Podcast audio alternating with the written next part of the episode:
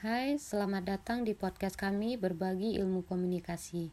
Saya Nike Novianti bersama Sirajul Fuadzis dan Nurulita Mutia Andina. Kami adalah mahasiswa Magister Ilmu Komunikasi Universitas Andalas. Kali ini kita akan mencoba membahas topik mengenai iklim komunikasi organisasi saat penerapan new normal. Sebagaimana yang kita tahu, pandemi COVID-19 ini telah merubah tatanan masyarakat, mulai dari kebijakan work from home hingga new normal. Nah, apa itu new normal? New normal itu merupakan perubahan perilaku untuk tetap menjalankan aktivitas normal, namun dengan ditambah menerapkan protokol kesehatan guna mencegah terjadinya penularan COVID-19. Sebenarnya prinsip utama dari new normal itu sendiri adalah dapat menyesuaikan dengan pola hidup. Secara sosial, kita pasti akan mengalami sesuatu bentuk new normal, atau kita harus beradaptasi dengan beraktivitas dan bekerja, dan tentunya harus mengurangi kontak fisik dengan orang lain, dan menghindari kerumunan, serta bekerja bersekolah dari rumah. Transformasi ini adalah untuk menata kehidupan dan perilaku baru ketika pandemi yang kemudian akan dibawa terus ke depannya sampai ditemukannya vaksin untuk COVID-19. Nah, tatanan normal baru atau new normal ini juga berlaku bagi seluruh organisasi. Misalnya saja, tatanan new normal bagi aparatur sipil negara atau ASN sudah berlaku di seluruh daerah. Artinya, PNS di seluruh daerah sudah mulai bekerja di kantor dengan kapasitas maksimal 50% sedangkan sisanya bekerja dari rumah. Uh, untuk mengetahui bagaimana iklim komunikasi organisasi saat penerapan new normal, maka kita dapat berdiskusi langsung dengan salah seorang pegawai pemerintahan yang merasakan tatanan new normal ini, yaitu saudari Mutia. Pertanyaan pertama, Bagaimana pendapat saudari terkait penerapan new normal yang sudah dilaksanakan sejak awal bulan Juni ini? Assalamualaikum warahmatullahi wabarakatuh. Baik, di sini saya akan mencoba membagi pengalaman terkait penerapan new normal yang akhir-akhir ini sering sekali kita dengar dan sudah mulai diterapkan di beberapa instansi di Kota Padang, Sumatera Barat ini. Untuk pertanyaan yang pertama, pendapat saya terkait penerapan new normal yang sudah mulai dilaksanakan awal bulan Juni ini, uh, begini. Istilah new normal ini memang sudah mulai akrab ya di telinga kita beberapa minggu belakangan, yang secara sederhana dapat kita artikan sebagai uh, sebuah skenario kehidupan dengan standar baru, tentunya untuk berdamai dengan COVID-19 dalam rangka mempercepat penanganan COVID-19 untuk kembali menggerakkan aspek-aspek kehidupan seperti aspek kesehatan, aspek pendidikan, dan aspek sosial ekonomi. Di mana kehidupan baru ini akan terus dilakukan sehingga atau sampai vaksin dari virus corona ini ditemukan dan imunisasi secara massal dilakukan. Skenario new normal ini sendiri di tengah pandemik ini memiliki beberapa indikator yang juga sudah ditetapkan oleh WHO untuk dapat dipatuhi oleh semua negara di dunia dalam rangka menyesuaikan kehidupan normalnya. Bagi saya penerapan skenario new normal ini ada kaitannya dengan herd immunity yang keduanya itu e, diibaratkan sebagai dua sisi mata uang yang bisa saja merugikan namun di sisi lain juga dapat menguntungkan. Kenapa? Karena di satu sisi, jika penerapan kebijakan PSBB ataupun lockdown dilaksanakan terus-menerus dalam kurun waktu yang panjang, tentunya akan mengakibatkan perekonomian di negara ini semakin merosot atau bahkan bisa lumpuh. Tetapi di sisi lain, apabila uh, kehidupan new normal atau uh, skenario new normal ini kita laksanakan, tentunya ada ancaman-ancaman bahaya dan risiko dari virus corona ini yang juga tidak main-main mengingat di Indonesia sendiri tren kasus COVID-19 ini masih terus meningkat dan belum sama sekali menunjukkan kondisi pemulihan. Dengan demikian memang harus menjalani skenario new normal ini sebagai jalan tengah yang terbaik yang dapat dilakukan saat ini. Oleh karena itu, pemerintah Indonesia seharusnya melakukan persiapan sebaik mungkin untuk menjalani kehidupan baru ini. Karena jika hal tersebut tidak dilakukan, akan dapat memicu gelombang kedua COVID-19 alias membuat kasus positif virus corona melonjak di Indonesia. Bahkan Indonesia bisa menjadi penyebar virus corona seperti di Cina. Melihat kasus positif corona di negara ini relatif tinggi Kesiapan ini menurut saya adalah sesuatu hal yang harus sangat dipikirkan dengan serius untuk menghindari terjadinya risiko-risiko yang sama seperti yang telah di sebelumnya dilaksanakan di negara-negara seperti uh, Korea Utara. Di mana di, di Korea Korea Selatan maksudnya, mohon maaf. Di mana di Korea Selatan itu uh, setelah dua minggu menerapkan uh, new normal, yaitu pada sekitar pada tanggal 6 Mei 2020, pemerintah Korea Selatan memperlakukan lagi pembatasan sosial selama dua minggu, dimulai dari tanggal 29 Mei 2020 hingga 14 Juni 2020. Hal itu kembali diberlakukan karena terjadi gelombang kedua penularan COVID-19 dari klaster baru yang terdeteksi uh, di ibu kota negara tersebut. Nah, begitulah uh, jangan sampai hal-hal tersebut terjadi lagi di Indonesia. Ini yang harus kita cegah uh, karena ini nggak main-main menyangkut uh, apa ya nyawa gitu ya. Jadi bahwa boleh kita melaksanakan kebijakan ini memang harus dilaksanakan juga mengingat kondisi perekonomian dan aspek-aspek lainnya yang mulai terhambat. Namun jangan sampai uh, skenario ini tidak dilaksanakan sesuai dengan protokol kesehatan yang telah diatur dan ditetapkan oleh pihak-pihak yang berwenang. Mungkin seperti itu pendapat saya. Pertanyaan yang kedua, sebagai pegawai di salah satu instansi pemerintahan yang ikut merasakan penerapan new normal, bagaimana pelaksanaan new normal di instansi tempat saudari bekerja? Uh, baik, selanjutnya saya akan mencoba menjawab pertanyaan yang kedua, yaitu sebagai pegawai di salah satu instansi pemerintah yang ikut merasakan penerapan new normal, bagaimana pelaksanaan new normal di instansi tempat saya bekerja. Sebenarnya, Pemerintah telah mengatur panduan protokol kesehatan yang harus diterapkan di tempat kerja melalui keputusan Menteri Kesehatan tentang panduan pencegahan dan pengendalian COVID-19 di tempat kerja perkantoran dan industri dalam mendukung keberlangsungan usaha pada situasi pandemi. Pada keputusan Menteri Keuangan tersebut telah diatur langkah-langkah seperti apa yang harus diterapkan agar uh, pelaksanaan new normal ini sesuai dengan standar yang berlaku dan uh, mampu mencegah sedemikian rupa uh, virus corona ini tersebar lebih luas lagi.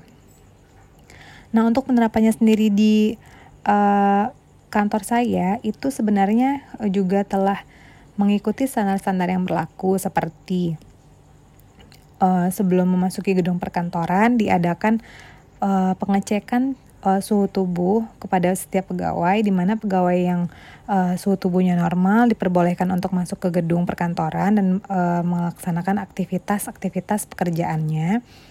Sedangkan untuk pegawai-pegawai yang uh, suhu tubuhnya uh, lebih tinggi dari uh, suhu tubuh normal itu akan lanjut dilaksanakan uh, pemeriksaan lebih lanjut mengenai sebab dari tingginya suhu, suhu tubuh suhu tubuh pegawai tersebut seperti itu. Nah, selain itu juga penggunaan masker atau face shield itu juga diharuskan selama uh, bekerja seperti itu. Juga kepada uh, pegawai-pegawai yang masuk itu harus uh, berjarak antara satu pegawai dengan pegawai lainnya. Oleh karena itu, pengaturan pegawai yang masuk itu pun juga setelah diatur di mana tidak 100% pegawai yang setiap hari harus masuk namun hanya 40 sampai 50% setiap harinya. Karena jika semua pegawai yang masuk maka uh, social distancing tidak akan bisa dilaksanakan. Karena untuk kantor saya sendiri itu uh, tidak terlalu luas uh, sehingga susah jika semua pegawai yang masuk uh, uh, secara bersamaan dan menjaga jarak itu sangat susah jika uh, diterapkan ya. Oleh karena itu, dengan 40-50% pegawai yang masuk dan sudah diatur jadwal piketnya, maka penerapan social distancing pun dapat dilaksanakan dengan baik. Penghindaran kontak atau uh, kontak fisik secara langsung antara pegawai yang satu dengan pegawai yang lainnya juga uh, tidak diperkenankan. Selain itu juga uh, himbauan dari kepala kantor kami untuk menjaga imunitas uh, dan itu pun mendapatkan support berupa vitamin-vitamin uh, yang disediakan dari kantor untuk meningkatkan imunitas tubuh. Selain itu juga kepada pegawai e, diberikan arahan agar tidak panik dan tetap berpikiran positif. Sebenarnya memulai aktivitas menuju era new normal atau tatanan normal baru ini di tengah pandemi COVID-19 diperlukan sikap yang disiplin terhadap perilaku hidup bersih itu. Hal ini agar kita semua dapat tetap produktif namun aman dari penyebaran COVID-19. Tapi ada sedikit yang mengganjal bagi saya yaitu uh, terdapat segelintir atau sebagian kecil pegawai yang uh, terkesan meremehkan uh, virus corona ini di mana mereka menganggap new normal ini adalah uh, kehidupan baru di uh, yang merasa bahwa virus ini sudah hilang padahal tidak gitu. Kita di diharuskan untuk melaksanakan pekerjaan kita ini karena pertimbangan-pertimbangan tertentu seperti uh, menghindari kelumpuhan aspek ekonomi kita salah satunya ya.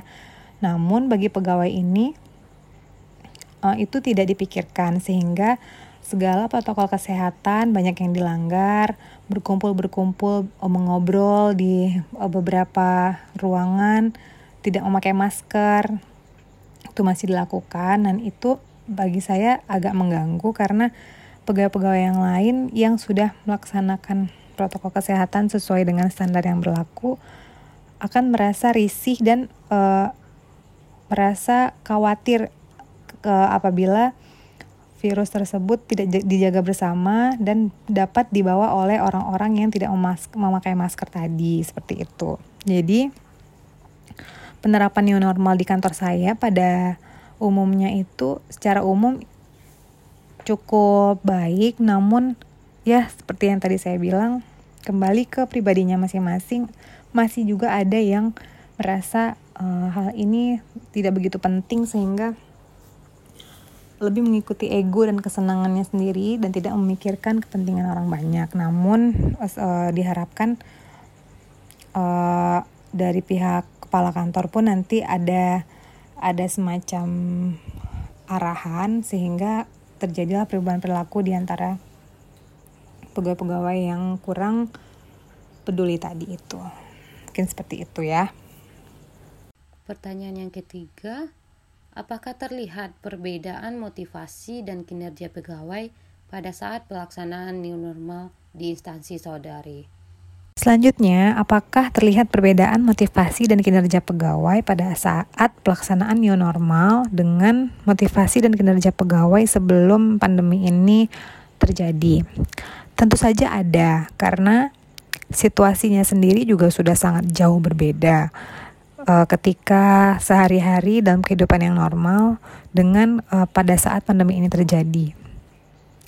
Yang sangat signifikan itu terlihat uh, perbedaan motivasi dan kinerjanya pada pegawai wanita yang merupakan ibu-ibu yang memiliki anak, terutama anak balita di rumahnya, itu uh, terlihat sangat um, masih sangat khawatir dan panik sehingga uh, sangat mempengaruhi kepada motivasi dan kinerjanya di mana uh, masih kepikiran jadi sangat takut uh, nantinya akan terpapar virus corona. Uh, jadi nanti uh, ada kemungkinan mereka membawa virus tersebut pulang, padahal dari gejalanya mungkin tidak uh, terlihat ya.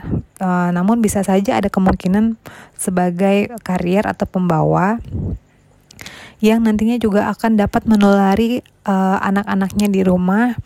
Nah, itu yang menjadi ketakutan-ketakutan yang utama bagi para ibu-ibu ini. Sehingga dalam pelaksanaan kinerja sehari-hari pun terlihat uh, kurang bersemangat dan produktivitasnya sendiri pun juga uh, menurun Namun hal ini bagi saya sangat wajar karena di tengah kondisi yang memang berat seperti ini juga uh, untuk datang ke kantor saja itu sudah menjadi hal yang cukup berat ya dan patut diapresiasi jika uh, dapat dilakukan.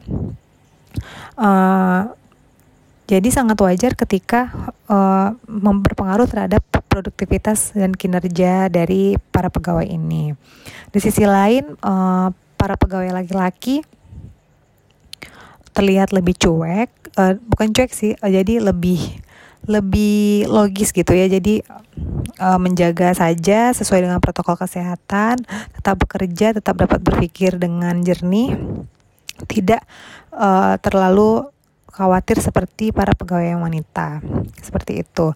Nah, ada lagi pegawai-pegawai yang belum berkeluarga yang masih usia-usia produktif sekali itu uh, merasa uh, bahkan merasa motiv lebih termotivasi bekerja karena setelah sekian lama di lockdown atau PSBB di rumah saja itu ketika uh, ada ke kebijakan new normal ini merasa sangat bersemangat untuk bekerja uh, kembali di kantor. Karena mungkin ada motivasi bertemu dengan teman-teman seperti itu. Jadi uh, pekerjaan pun terasa lebih menyenangkan ketika dikerjakan di kantor. Itu sih yang saya lihat perbedaannya uh, di kantor oh, antara motivasi dan kinerja pegawai sebelum dan pada saat pandemi ini terjadi. Namun seiring berjalannya waktu uh, diharapkan situasi ini semakin membaik dan kinerja dan motivasi pegawai pun dapat kembali seperti semula bahkan mungkin lebih uh, dan juga akan berpengaruh kepada pencapaian tujuan-tujuan organisasi yang telah ditetapkan sebelumnya.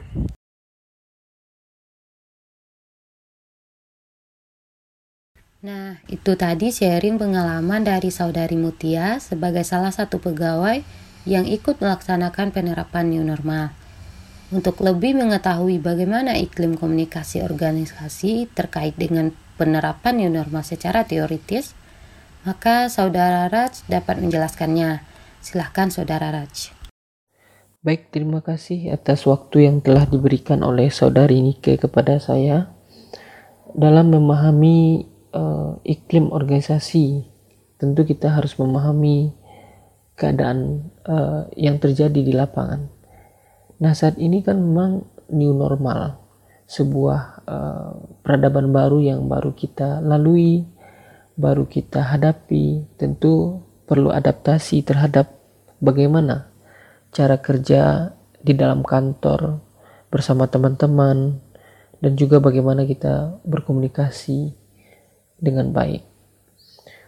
Untuk itu iklim komunikasi sebenarnya memahami bagaimana konteks organisasi dengan konsep-konsep perasaan-perasaan dan harapan-harapan anggota organisasi tersebut. Jadi apa yang merasa mereka rasakan selama new normal kemudian dan apa yang mereka lalui itu adalah refleksi dari sebuah organisasi di masa uh, transisi. Nah kemudian juga uh, iklim organisasi itu penting karena akan menjelaskan perilaku anggota organisasi. Tentu anggota organisasi yang sebelum new normal atau masa PSBB dahulu tentu berbeda dengan perilaku anggota organisasi yang saat new normal. Nah, adaptasi ini yang harus e, dilakukan oleh para anggota organisasi, dibimbing oleh protokol-protokol kesehatan, kemudian mengikuti peraturan dari pemerintah. Nah, ini akan berjalan dengan baik dalam memahami pentingnya iklim organisasi juga kita harus memahami bagaimana perpindahan budaya yang dahulunya kita bersalaman sekarang kita jaga jarak sementara waktu sehingga eh, keadaan pulih kembali di kantor. Jika memang ada arahan dari tetap physical distancing seperti yang dibilang oleh saudari Mutia tentu kita harus memahami hal tersebut Nah, kemudian dari iklim ke organisasi tersebut juga mm, sebagai jembatan praktik-praktik pengelolaan sumber daya manusia bagaimana sumber daya manusia tersebut produktif da, karena iklim organisasi. Nah, kita harus mencari cara-cara kreatif agar produktivitas tidak terhambat oleh uh, halangan keadaan. Tentu kita ada cara baru, kemudian uh, menemukan inovasi agar tidak jenuh, kemudian ada hal-hal baru yang harus kita hadirkan di nuansa kantor ya nuansa-nuansa kebahagiaan kemudian nuansa kebersamaan gotong royong ini yang akan memperkuat kita jadi uh, intinya adalah saling menguatkan mari kita untuk memperkuat komunikasi saat new normal ini